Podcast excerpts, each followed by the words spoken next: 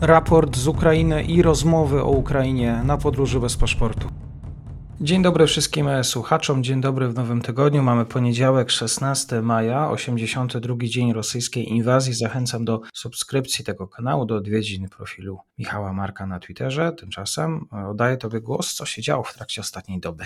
Dzień dobry, witam serdecznie. W trakcie ostatniej doby Rosjanie nadal koncentrowali się na e, ostrzale artyleryjskim ukraińskich pozycji oraz miejscowości przyfrontowych, to szczególnie właśnie na wschodnim froncie i na południowo-wschodnim. E, rosyjskie rakiety nadal spadają również na ukraińskie miasta. Wczoraj w godzinach porannych doszło do zwiększonej aktywności z tego zakresu. Rosyjskie rakiety spadły również na obiekty wojskowe w obwodzie lwowskim. Dziś w godzinach nocnych Rosjanie przeprowadzili e, intensywne ataki lotnicze. Ostrzelano m.in. obiekty przemysłowe w centrum kraju. Jeśli chodzi o sytuację na froncie, na północnym odcinku frontu, to jest na kierunku charkowskim, Rosjanie nadal w odwrocie. Strona ukraińska przejawia tę inicjatywę i stopniowo małymi krokami wypycha Rosjan e, na północny wschód.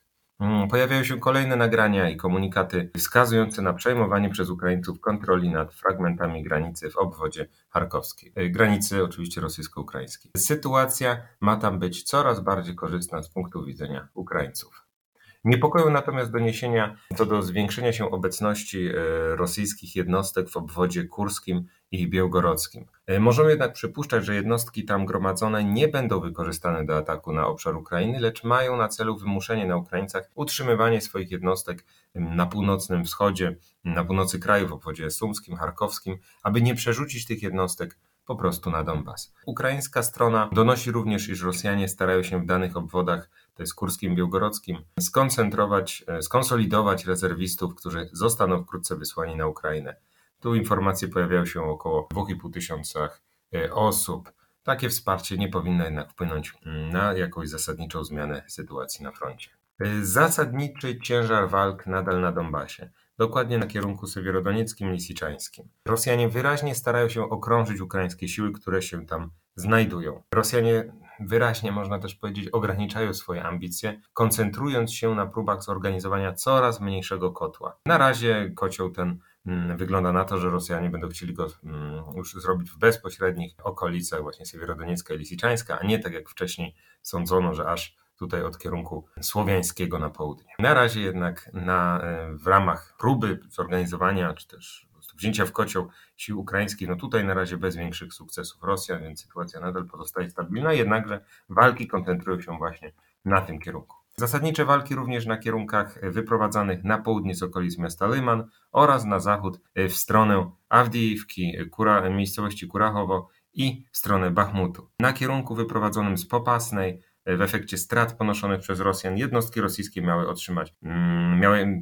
w wyniku już poniesionych strat, znajdowały, mają znajdować się w stanie, który uniemożliwia skute, prowadzenie dalszych skutecznych ataków. Podobnie relatywne ograniczenie, tak jak w Popasnej, relatywne ograniczenie działań na kierunku wyprowadzonym z Izjumu w stronę Słowiańska. Tutaj Rosjanie ciągle mają się przygotowywać do potencjalnego właśnie potężnego uderzenia w stronę z Iziumu w stronę Słowiańska. Na kierunku południowym, to znaczy zaporowskim oraz Mari Mariupol, zakład, chodzi o zakład Azowstal, tutaj Rosjanie koncentrują się na uderzeniach artyleryjskich. E, na południowym zachodzie, to jest na kierunku krzyworowskim czy mikołajowskim, tutaj relatywne ograniczenie rosyjskiej ofensywy. Co do sytuacji na froncie wojny informacyjnej, Rosjanie w dniu wczorajszym, to jest 15 maja, w godzinach przedpołudniowych, poświęcili Polsce sporo uwagi. Opublikowali oni przekaz o rzekomej odpowiedzialności polskich najemników i polskich nacjonalistów za zbrodnie przeciwko ludności cywilnej, e, które miały być dokonane w miejscowości Popasna, czyli miejscowości, która została zajęta przez Rosjan w ubiegłym tygodniu. Polacy tam mieli rzekomo mordować cywili,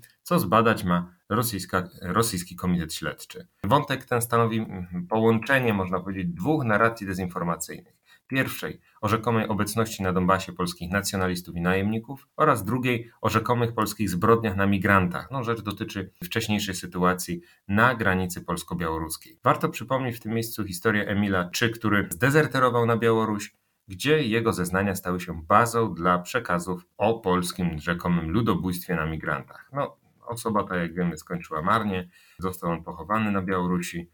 Zginął prawdopodobnie w wyniku aktywności białoruskich albo rosyjskich służb, no ale tej rzeczy prędko się raczej nie dowiemy. Jeżeli chodzi o połączenie tych dwóch narracji, to można powiedzieć, że właśnie w tym przypadku mamy, takie, mamy taką kompilację, gdzie polscy zbrodniarze, w cudzysłowie na Donbasie, mm, mieli dokonać właśnie w cudzysłowie ludobójstwa na ludności cywilnej i tutaj możemy się spodziewać, że Rosjanie wkrótce mogą właśnie przedstawić rzekome dowody, to znaczy na przykład zeznania świadków, które będą, którzy będą stwierdzać, że tak, oczywiście widzieli, jak Polacy, tu ludzie w polskich mundurach wykonywali, rozstrzeliwali mm, ludność cywilną. No, cywilną. No, przekazy takie mają na celu wzmocnienie skrajnie negatywnego obrazu Polski oraz odwracanie uwagi Rosjan od zasadniczego problemu, czyli słabości rosyjskiej armii oraz braku jakiegokolwiek poważnego sukcesu w ostatnich tygodniach. Podsumowując, na kierunku południowym tutaj y, przede wszystkim y, Rosjanie aktywizują, y, aktywizują się w charakterze po prostu prowadzenia ostrzałów, intensywnych ostrzałów artyleryjskich, ale nie ma tu jakiejś mm,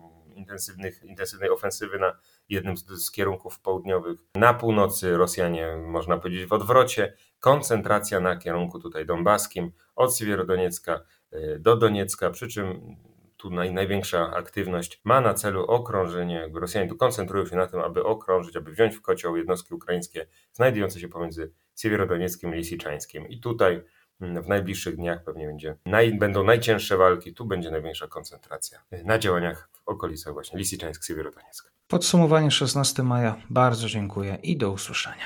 Dziękuję bardzo.